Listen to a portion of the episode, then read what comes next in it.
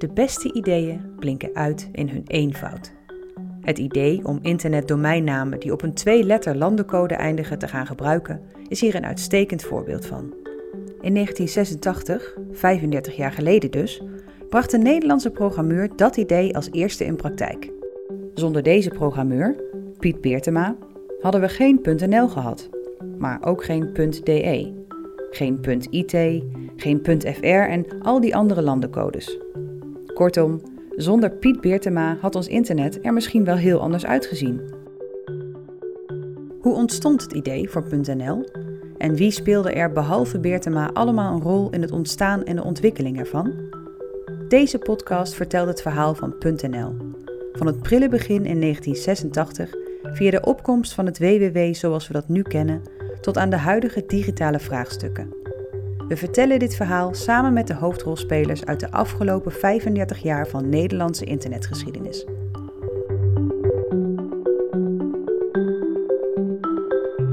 Dit is aflevering 3, de explosieve groei.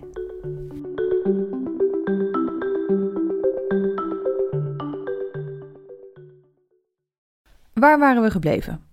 De vorige aflevering eindigde in 1996 met de officiële oprichting van SCDN. Het is een tijd waarin het internet zijn weg naar steeds meer Nederlandse huiskamers en zolderkamers weet te vinden. De komst van de webbrowsers Mosaic en Netscape Navigator in 1993 was het startschot voor het multimediale internet. In hetzelfde jaar zag Access for All, de eerste internetprovider voor consumenten, het levenslicht. En het roemruchte De Digitale Stad Amsterdam opende de digitale deuren in 1994. Wie vormde in die tijd de internetgemeenschap van Nederland en wat waren dat voor mensen?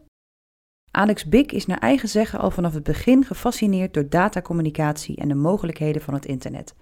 In 1997 gaat hij aan de slag bij de dan net opgerichte zakelijke internetservice provider BIT, waar hij vandaag de dag nog steeds actief is als CTO. Hij typeert de beginjaren van het Nederlandse internet als volgt. Iedereen kende elkaar. Het waren er natuurlijk ook niet zo gek veel. En het was allemaal heel, uh, heel gemoedelijk. Want je was uiteindelijk was je elkaars concurrent natuurlijk. Alleen, ja, weet je, internet was in die tijd zo hard aan het groeien en er kwamen elke dag zoveel klanten bij. Dat dat ook helemaal niet. Het, voelde ook helemaal niet alsof je elkaars concurrent was. En dan zeker de, de technici, ja, die, die hebben natuurlijk sowieso op technisch vlak vaak al wel een uh, soort van klik met elkaar. Maar het waren in die tijd ook vooral de techneuten die de internetbedrijven runden, zeg maar. Dus het waren geen, uh, uh, nou ja, geen, geen zakenlieden die maar bij zichzelf dachten van... goh, ik ga een internetbedrijfje beginnen. Maar het waren vooral de techneuten die het leuk vonden om met internet te rommelen... en tot de conclusie kwamen van, hé, hey, ik kan hier ook geld mee verdienen. Dus het was een heel ander soort bedrijf. En ehm, nou ja, later kwamen natuurlijk de telco's, die gingen zich ook op, op met, met internet bemoeien, zou ik maar zeggen. de KPN en Libertel en weet ik wat je in die tijd allemaal nog had... En dat was echt een hele andere sfeer. Hè? Ik bedoel, de, de, echt de internetjongens, zeg maar, die gingen in hun vrije tijd met elkaar karten en bier drinken. En uh, de, de telco-jongens, uh, ja, die sloegen elkaar de hersens in als ze de kans kregen. Dat was, dat was echt een hele andere sfeer. Het is een wereld die volgens BIC gekenmerkt wordt door een vorm van idealisme. Dat is ook het geval bij BIT, het bedrijf waar hij in 1997 aan de slag gaat en waarvoor hij onder andere zakelijke domeinnaamaanvragen van klanten verzorgt nou ja, of, of het nou zeg maar het idealisme was van goh, we moeten zorgen dat het internet toegankelijk wordt voor iedereen. Of uh, dat, het een, dat het andersom was, ik weet het niet. Maar in ieder geval, uh, ja, je had natuurlijk in het begin Access for All. Uh, daarvoor had je NLNet. maar die deden alleen maar zakelijk, de zakelijke markt. BIC betreedt de wereld van de domeinnamen op een moment dat het .nl-domein aan de vooravond van een grote groei staat. In 1996 telt het .nl-domein nog een kleine 10.000 domeinnamen, maar dit aantal zal in de jaren daarna rap groeien. Van een half miljoen in 2000 naar meer dan een miljoen in 2003. In 2006 zitten we al op het dubbele aantal en in 2008 wordt de 3 miljoenste .nl-domeinnaam geregistreerd. Deze groei zet zich door tot op de dag van vandaag. In 2020 passeerde .nl de kaap van 6 miljoen domeinnamen. De drie oprichters van SIDN, Boudewijn Nederkoorn, Ted Lindgren en Piet Beertema, kunnen in 1996 logischerwijs niet weten dat er vandaag de dag meer dan 6 miljoen .nl domeinnamen zijn. Maar ze houden de groei van .nl vanaf het begin nauwlettend in de gaten. Lindgren is degene die zich vooral bezighoudt met het voorspellen van deze groei en werkt hierbij met een conservatief, realistisch en maximaal scenario. Tot 1995 ontwikkelt .nl zich volgens het realistische scenario, daarna volgens het maximale. Vanaf 1996 zien de bestuursleden dus dat het aantal aanvragen flink toeneemt. Een van de belangrijkste opdrachten waar SIDN zich dan ook voor ziet gesteld, is het automatiseren van het proces van domeinregistratie. Want let wel, dat was nog steeds handwerk. Tijdens het eerste jaar van SIDN wordt de registratieverwerking nog steeds door Beertema afgehandeld. De ontwikkeling van het systeem wordt uitbesteed aan het Arnhemse bedrijf Kema. Ted Lindgren bewaart slechte herinneringen aan dit project. En dan drukken we ons nog zacht uit. We hadden een systeem dat, wat de Deo Willems dus had ontwikkeld. Dat kon zo'n 100.000 namen aan. Ja, en toen dat 200.000 was, ging dat dus echt niet meer. Dus toen moest een DRS, een domeinregistratiesysteem komen. Daar hadden we begroot van, uh, dat moet te doen zijn voor 300.000 euro, moet dat wel te schrijven zijn. Nou, het schema heeft daarvoor een softwarebedrijf ingehuurd. Dat softwarebedrijf is aan het werk gegaan. Dat is totaal uit de hand gelopen. Dat heeft uiteindelijk 3 miljoen gekost, gulden. En tegen de tijd dat dat eindelijk werd opgeleverd, was het ook alweer verouderd. Want uh, ja, de, bedoeling was dus dat het 1 miljoen domeinnamen aan zou kunnen, maar die 1 miljoen was al overschreden toen. Dus toen moest tijdens het uh, in gebruik nemen van dat DRS-1 moest het DRS-2 alweer ontwikkeld worden om de vele miljoenen aan te vullen. Die technische zorgen aan de achterkant vallen registrars aan de voorkant ook op. Alex Bik maakt in die tijd deel uit van de Raad van Deelnemers, de voorloper van de huidige Vereniging van Registrars, en herinnert zich dat ze regelmatig in de clinch lagen met SIDN. Ja, het was toen gewoon een puinhoop. Bugging systemen, uh, lastige procedures en uh, nou ja, eisen waaraan vastgehouden werd, waarvan eigenlijk niemand meer uit kon leggen waarom, waarom die er waren. En, ja, dat was eigenlijk een beetje de, ja, waar de RVD zich mee bezig hield. Nou ja, om, om, om dat zeg maar in onze optiek om al een beetje de goede kant op te duwen. Pik staat niet alleen in zijn kritiek. Ook een andere registrar van het eerste uur, Henny Rietkerk van Compra, merkt in die begintijd dat het technisch nog niet allemaal even soepel loopt bij SCDN. Een van mijn eerste fouten die ik toen heb gemaakt is dat ze, ze ging toen over naar een nieuw systeem. En daar heb ik toen ook meteen geïnvesteerd, heb programmeurs neergezet om dat gewoon te doen. En uh, dat heeft toen heel lang geduurd. Dat duurde gewoon, uh, dat zou maanden zijn, dat duurde jaren. En sindsdien heb ik dus een ander beleid. En dat is van uh, op het moment dat ze zeggen van we gaan over twee maanden gaan we, of over een half jaar gaan we het uitfaseren, dan ga ik pas aan de slag. dat hebben ze toen bereikt. De ervaring van toen, ja, anders ben je daar heel lang mee bezig. En, ik snap het dat je zelf een groot bedrijf hebt en je hebt gewoon uh, meerdere medewerkers kan er zitten. Maar ja, ik, ben, ik heb een klein bedrijf, dus ik moet gewoon flexibel erin zijn. En ik kan natuurlijk niet gewoon wachten, dan weer aanpassen, dan weer aanpassen, dan weer aanpassen. Dus op het moment dat ze het uitgefaseerd hebben en ze hebben het helemaal bedacht en ze zeggen we gaan het oude gaan we uitfaseren, dat was dan een signaal om dan eh, in actie te komen. Want dan heb je gewoon alle bruikbare informatie, alles er is. Ook binnen het bestuur van SCDN leeft het besef dat het automatiseringsproject van het domeinnaamregistratiesysteem niet verloopt zoals verwacht. Lindgren spreekt zelfs van een dramatisch project. En Nederkorn noemt de technologische kant van de groei van .nl als een van de belangrijkste issues waar een oplossing voor moest worden gevonden. De opschaling moest wel worden opgevangen. Dat was een veel ernstiger probleem. Het management van de kosten, dat was van, de, van, het, van het geld, was, was marginaal. Maar de technisch management, dat was best een uitdaging toen. Want dan had je natuurlijk ook verschillende inzichten. Ook in zo'n bestuur. De een die vindt dat het dus moet doen, en de andere vindt uh, dat soort uh, database techniek moet worden toegepast. En wie kan dat dan het beste? hoe specificeer je dat goed? Ik weet wel dat dat ook niet triviaal was. Wat willen we nou eigenlijk dat dat systeem moet kunnen? Willen we meteen de hele wereld al? En als het dan gebouwd moet worden, dan duurt dat jaren. Maar wij hadden daar de tijd niet voor. Het moest morgen klaar zijn. Om zaken in perspectief te zetten. De digitale en technologische mogelijkheden in die tijd zijn vele malen minder geavanceerd dan wat we nu gewend zijn. Je moet dan ook oppassen te veel met de blik van nu naar de ontwikkelingen van toen te kijken. Want hoe kon een Registar eigenlijk een .nl domeinnaam aanvragen?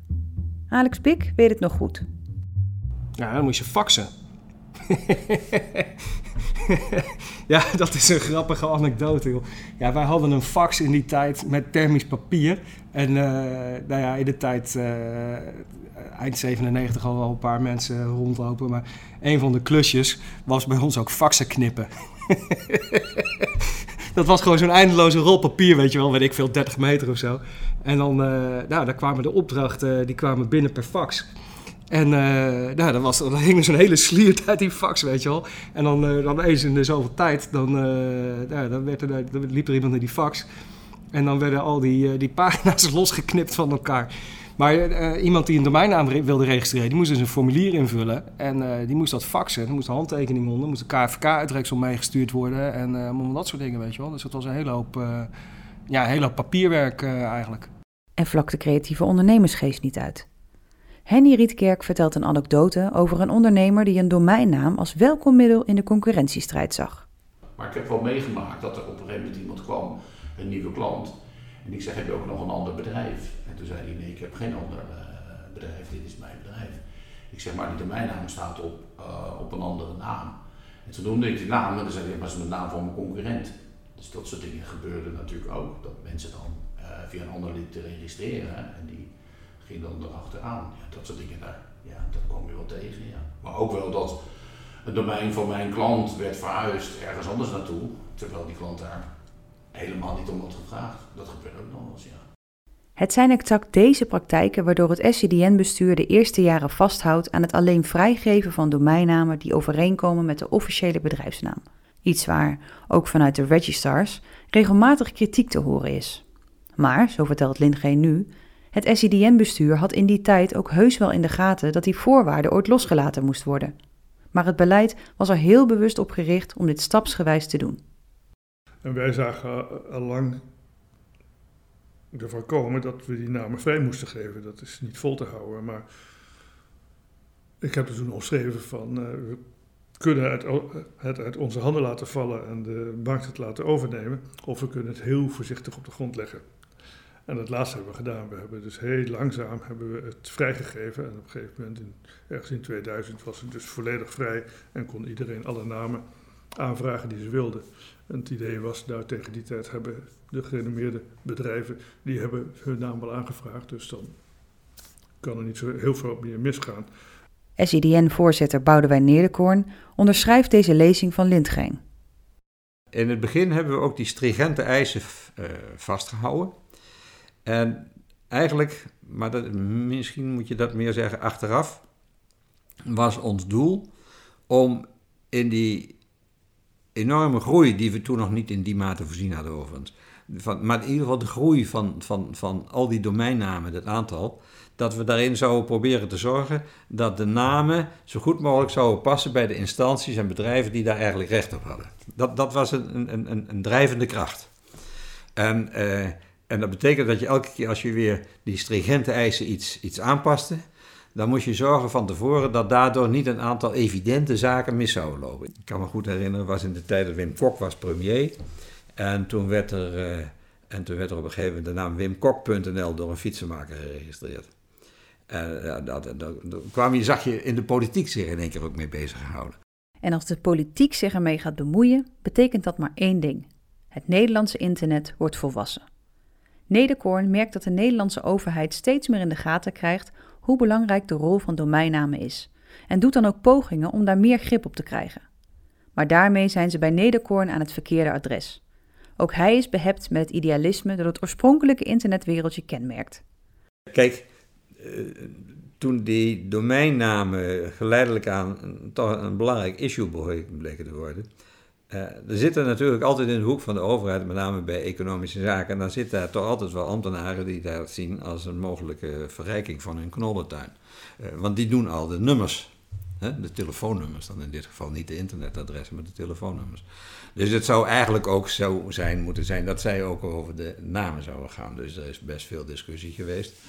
Uh, waarbij we altijd toch een neiging hadden de boot voldoende af te houden dat ze zich niet rechtstreeks met onze zaken gaan bemoeien, gingen bemoeien. Want uh, het principe van zelf, zelfregulering, dat was heilig. We wilden het internet, dat, dat, dat droeg ik ook wel uit, dat was iets waar de overheden zich niet mee moesten bemoeien. Sterker nog, Nederkoorn beschouwt het als één van zijn taken om de overheid voldoende op afstand te houden. Het is ons wel gelukt om, om, om, om de ambtenaren uh, wel tot medewerking te krijgen. Want je, moet ook die lui niet tegen je hebben.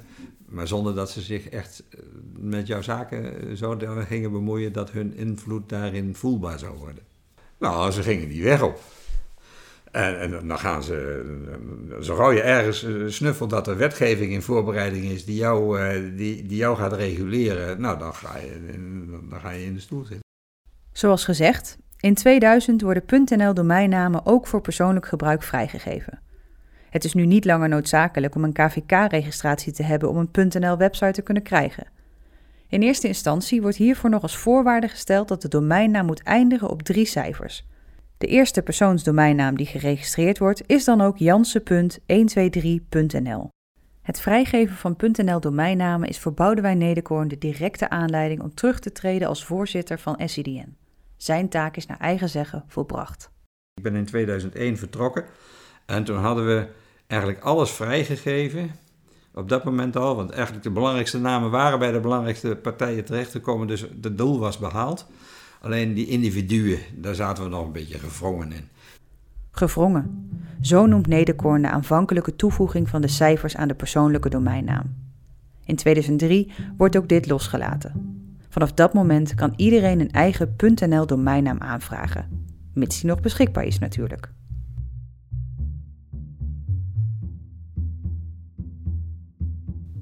Nederkoorn legt zijn functie als voorzitter van SCDN dus neer in 2001.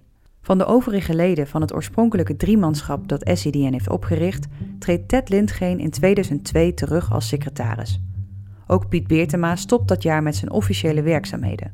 Al blijft hij, net als Lindgeen en Nederkoorn, als bijzonder raadgever verbonden aan SCDN.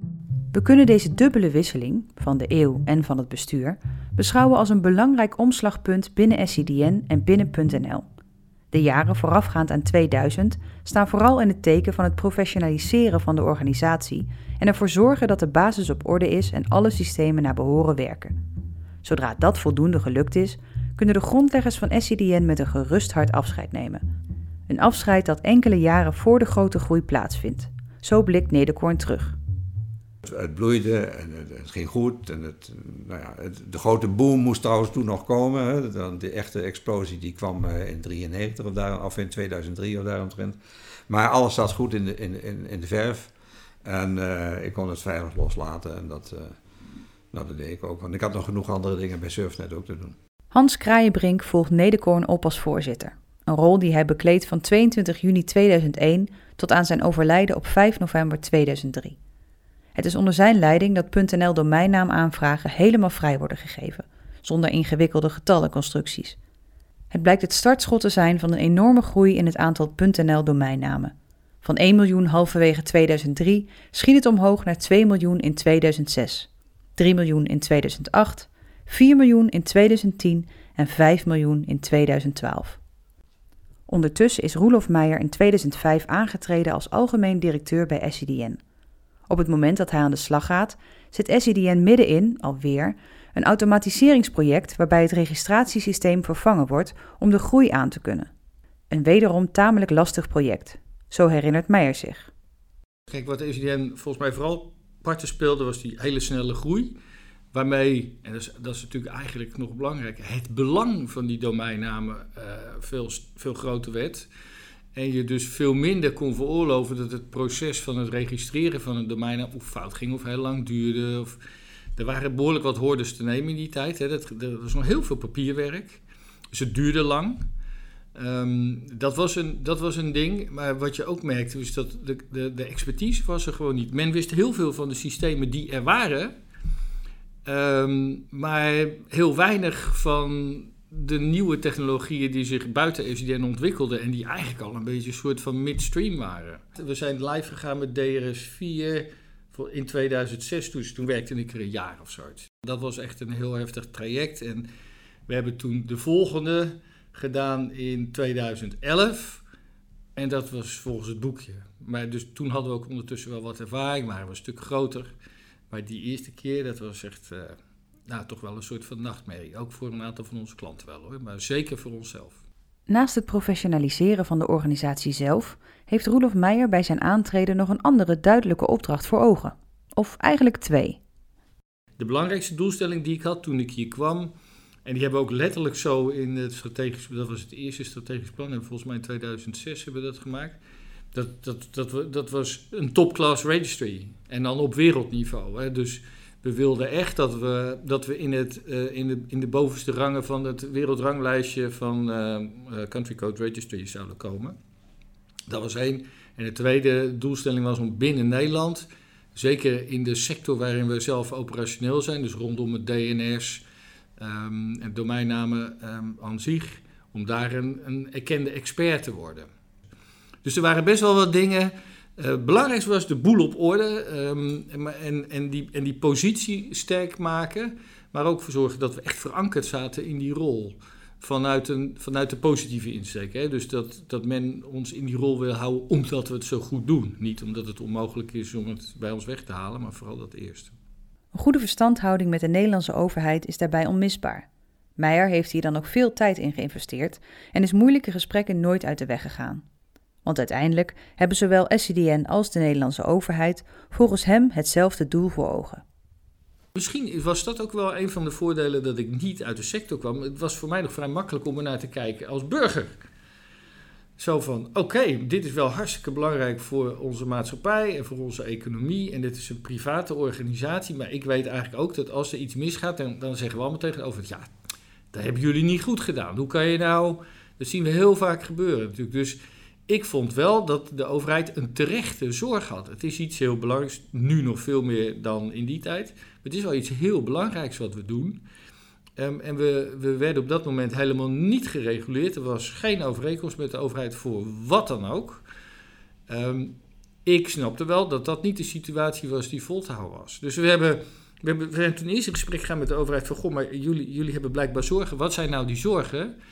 Uh, laten we die eens inventariseren en laten we eens kijken in hoeverre die al op de een of andere manier geadresseerd zijn. Dat is een behoorlijk traject geweest waar we dus echt gewoon met elkaar zijn gaan um, en, en um, in het document hebben geïnventariseerd. Wat zijn nou de zorgen die EZK heeft rondom het NL-domein en wat zijn de dingen die we daarvoor zouden moeten doen om die zorg te mitigeren en wat hebben we al gedaan.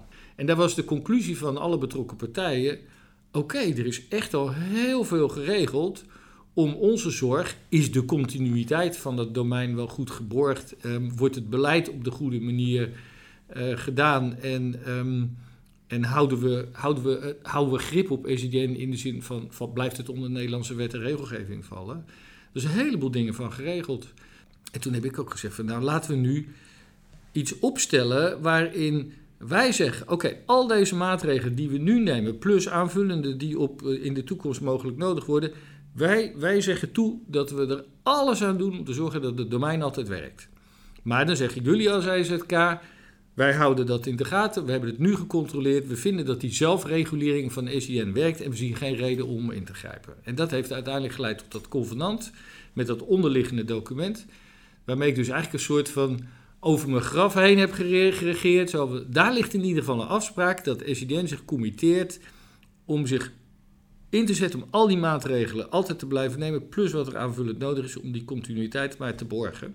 We hebben toen ook zelfs, en dat was echt uniek in onze industrie, wereldwijd, we hebben afspraken gemaakt over in deze situaties, als die optreden, dan moet de Nederlandse overheid samen met ICANN gaan regelen dat een andere partij het NL-domein gaat draaien dan SIDM, want dan kunnen ze het blijkbaar niet meer. En dat is een uitputtend lijstje geweest van omstandigheden. En ondertussen gooit het .nl-domein ook nog eens vrolijk door. Totdat er een verzadiging lijkt op te treden. Tot en met 2011 liep het hard. Eigenlijk groeiden we toen ieder jaar weer harder dan het jaar daarvoor. En in 2012 was dat ineens afgelopen. Uh, dat was niet alleen bij ons. Hè, dus we hadden, we hadden wel al een tijdje. We dachten, ja, we moeten op een gegeven moment verzadigd raken, die markt. En we hadden de meest geconcentreerde markt in Nederland ter wereld. Dus ja, daar waar het, het eerst verzadigd zou raken, zou ook hier zijn. Dus we hadden ook geen benchmark van wanneer is het een keer uh, vol. Ehm, dus we dachten in eerste instantie 2012, nou, er zal nu die verzadiging wel zijn opgetreden, maar we zagen dat het eigenlijk wereldwijd was. Dat met, deel daarvan is nog steeds niet echt goed verklaard, maar het had ook iets te maken met de verandering in de algoritme van Google, waardoor het had ook te maken met die lancering van die new GTLD's, waardoor veel bedrijven zoiets hadden, ja, straks moet ik er nog duizend bij registreren, ik wacht eens even. Ehm, dus we hebben toen een tijdje voorspeld van, nou, het zou wel eens wat kunnen gaan krimpen. Daar ben ik op een gegeven moment maar mee opgehouden, want dat gebeurde eigenlijk nooit. Ehm, en toen kregen we natuurlijk uh, alle ellende van corona met een opsteken voor, voor de hele online sector natuurlijk. En dat merkten wij ook. Dus vorig jaar zijn we ineens weer veel sneller gegroeid dan de jaren daarvoor. En dat lijkt zich dit jaar ook nog wel uh, door te zetten. Dus we zijn wel wat positief. Ik verwacht dat we nog wel voorzichtig wat door zullen groeien. Um, maar ja, er komt natuurlijk een moment dat het, dat het op is. Dat, dat, ja, dat bedrijven voldoende domeinnamen hebben die ze gebruiken. En daar nog een setje bij die ze soort van als reserve hebben, die ze niet gebruiken. En dat hebben we natuurlijk wel gezien. Maar ja, we zijn met, met die 6,2 die we nu hebben, zijn we nu groter dan we, nou, laten we zeggen, een jaar of uh, vijf, zes geleden dachten dat we ooit zouden worden. Dus het blijft, blijft lastig voorspellen. De groei betekent ook dat de druk op SCDN groot is om alle systemen in de lucht te houden. Een druk waar SCDN zich volgens Meijer ontzettend van bewust is.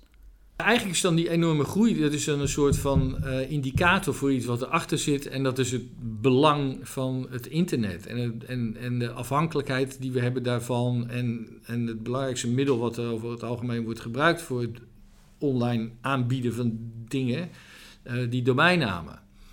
Um, dus die dienstverlening, die is de, de, de, beschikbaarheid ervan, de maatregelen die die nemen om te voorkomen dat het ooit offline gaat en zo, daar hebben we, daar hebben we ongelooflijk in geïnvesteerd. In expertise, maar ook gewoon in hardware, in co-locaties, in allerlei beveiligingen en zo. Dus die, die, die grote aan zich, ja, betekent dat je met grotere volumes moet werken. Dat is, dat is nog niet het lastigste. Die, groot, die grootte, die omvang, dat is het symbool van het belang van waar we mee bezig zijn. En dus het, de impact die het zou hebben als het niet werkt. SCDN ontplooit verschillende activiteiten om de continuïteit, stabiliteit en beschikbaarheid van .nl te kunnen blijven waarborgen. Zo wordt in 2011 SCDN Labs opgericht, de research-tak van SCDN. Christian Hesselman geeft vanaf het begin leiding aan SCDN Labs. Uh, in het begin deden we eigenlijk alleen maar DNS-gerelateerd uh, onderzoek. We zijn wel heel vroeg begonnen met uh, wat toen Big Data heette. Dus onderzoek doen naar uh, DNS-data, dat opslaan, anonimiseren en doorzoeken. En nou, dus we hebben aan het begin dus heel veel gewerkt met DNS-data-analyses. Uh, later is daarbij gekomen ehm, het, het, vinden van bijvoorbeeld fake webshops of van phishing sites. dus toen zaten we meer op de, het misbruik van domeinnamen eigenlijk. Eh, het detecteren van, uh, van domeinnamen die specifiek worden geregistreerd voor malafide doeleinden. Dus bijvoorbeeld Rabobank met de O vervangen door een nulletje. Dat is altijd het standaard voorbeeld. Nou, daar is toen onder andere de prototype van de domeinnaam bewakingsservice uit voortgekomen. Die is ook gestart in mijn team. En dat is inmiddels is dat iets wat we nu uh, gewoon als dienst, als operationele dienst aanbieden. Daarna is IoT security erbij gekomen. Dat was naar aanleiding van de uh, DDoS-aanval op DIN. DIN is een, was een eh, of is eigenlijk een grote DNS-operator uit Amerika, waar heel veel uh, grote partijen op aangesloten zitten. Dus bijvoorbeeld uh, Twitter en Spotify en dat soort clubs. En daar is toen een enorme outage geweest in 2016, doordat DIN werd bestookt door allemaal besmette en gecompromitteerde IoT-devices. En toen dachten wij van, hmm, wij zijn ook een DNS-operator, weliswaar een andere. Misschien kunnen we dat naast onze DDoS protectieservices ook nog wat proactiever aanpakken door uh, te kijken of we die apparaatjes veiliger kunnen maken op de plek waar ze staan, zal ik maar zeggen. Dus echt de aanval voorkomen. Dus zo zijn we in IoT security eh, gerold en ook een beetje richting het, uh, het DDoS onderzoek. En daar is bijvoorbeeld het DDoS Clearinghouse uit voortgekomen, waar we nu vrij actief in zijn. En daar is weer uit voortgekomen dat we in, in een Europees project zitten. Nou, zo, zo, zie je dat het ene onderwerp leidt tot het volgende. Dus het sneeuwbalt eigenlijk een beetje, een beetje verder. Bijna al het onderzoek dat door SCDN Labs wordt uitgevoerd is open source. Volgens Hesselman is dat een van de kernwaarden waarmee de betrouwbaarheid van en het vertrouwen in het internet gewaarborgd blijft. En die hele open source gedachte, dat is eigenlijk. Uh, de, open source heeft een doel. Het is, het is een middel om een doel te bereiken, wat mij betreft. Hè. Dus open source doen wij om A. ehm, andere partijen in staat te stellen ook het internet uh, veiliger en betrouwbaarder te maken. Want het internet bestaat uit een, is eigenlijk een hele grote mondiale samenwerking van 70.000, meer nog zelfs, uh, verschillende netwerken. En dat zijn allemaal autonome uh, netwerken, om het zo maar te zeggen. Die worden door, aparte, door, door verschillende organisaties beheerd. Dus als je dat geheel veilig wil maken, dan moet je uh, ook al die organisaties in staat stellen om dat te doen. Dus dan moet je kennis delen. Dat kan niet anders. Dat is een van de, volgens mij een van de fundamenten van het, van het internet. Dat is samenwerken en kennis delen. Anders kom je nergens.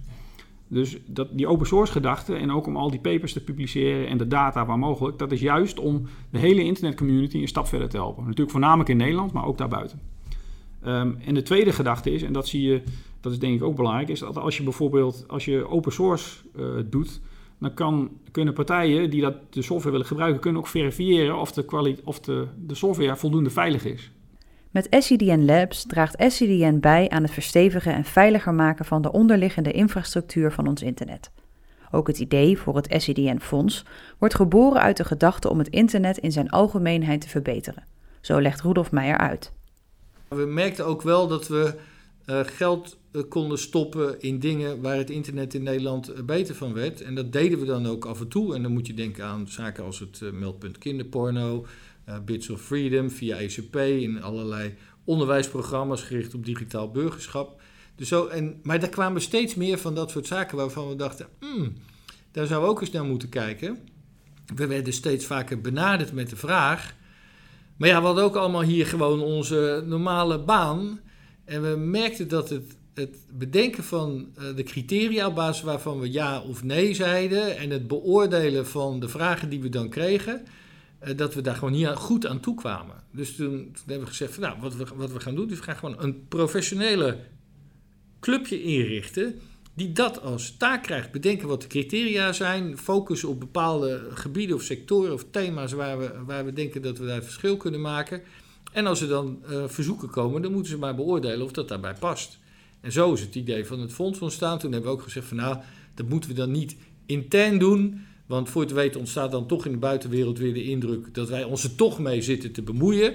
De kans dat dat gebeurt is ook niet ondenkbaar natuurlijk. Terwijl we juist zeggen, wij hebben er eigenlijk onvoldoende verstand van en tijd voor. We nemen de professionals voor aan. Dan moet je het ook aan die professionals laten.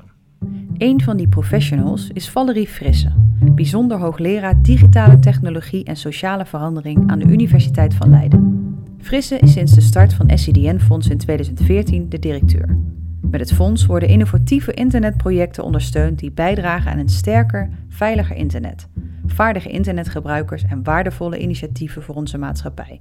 Of, zoals Frisse het zelf verwoordt, dat het in Nederlandse internet een uh, veilige en een, een, omgeving blijft waar we met z'n allen op kunnen bouwen. En waar we ook een beetje trots op kunnen zijn, omdat je daar mooie dingen met elkaar doet, hè, die echt maatschappelijk uh, van belang zijn. En als je kijkt naar de, de, huidige discussie over internet en eigenlijk ook hoe het ontspoort vaak. Ja, dan kun je, zo, daar kun je een tegenkracht uh, voor vormen. En ik denk dat daar het fonds voor een belangrijk deel ook voor in het leven geroepen is. Om dat soort alternatieven ook te kunnen ontwikkelen welke alternatieven noodzakelijk zijn om de toekomst van het internet te kunnen waarborgen, daarover gaan we het uitgebreid hebben in de volgende aflevering. Deze aflevering sluiten we af met het bijna onvoorstelbare gegeven dat .nl in unieke aantallen een van de grootste landendomeinen in de wereld is. Met de ruim 6,2 miljoen .nl domeinnamen staan we op een vijfde plaats.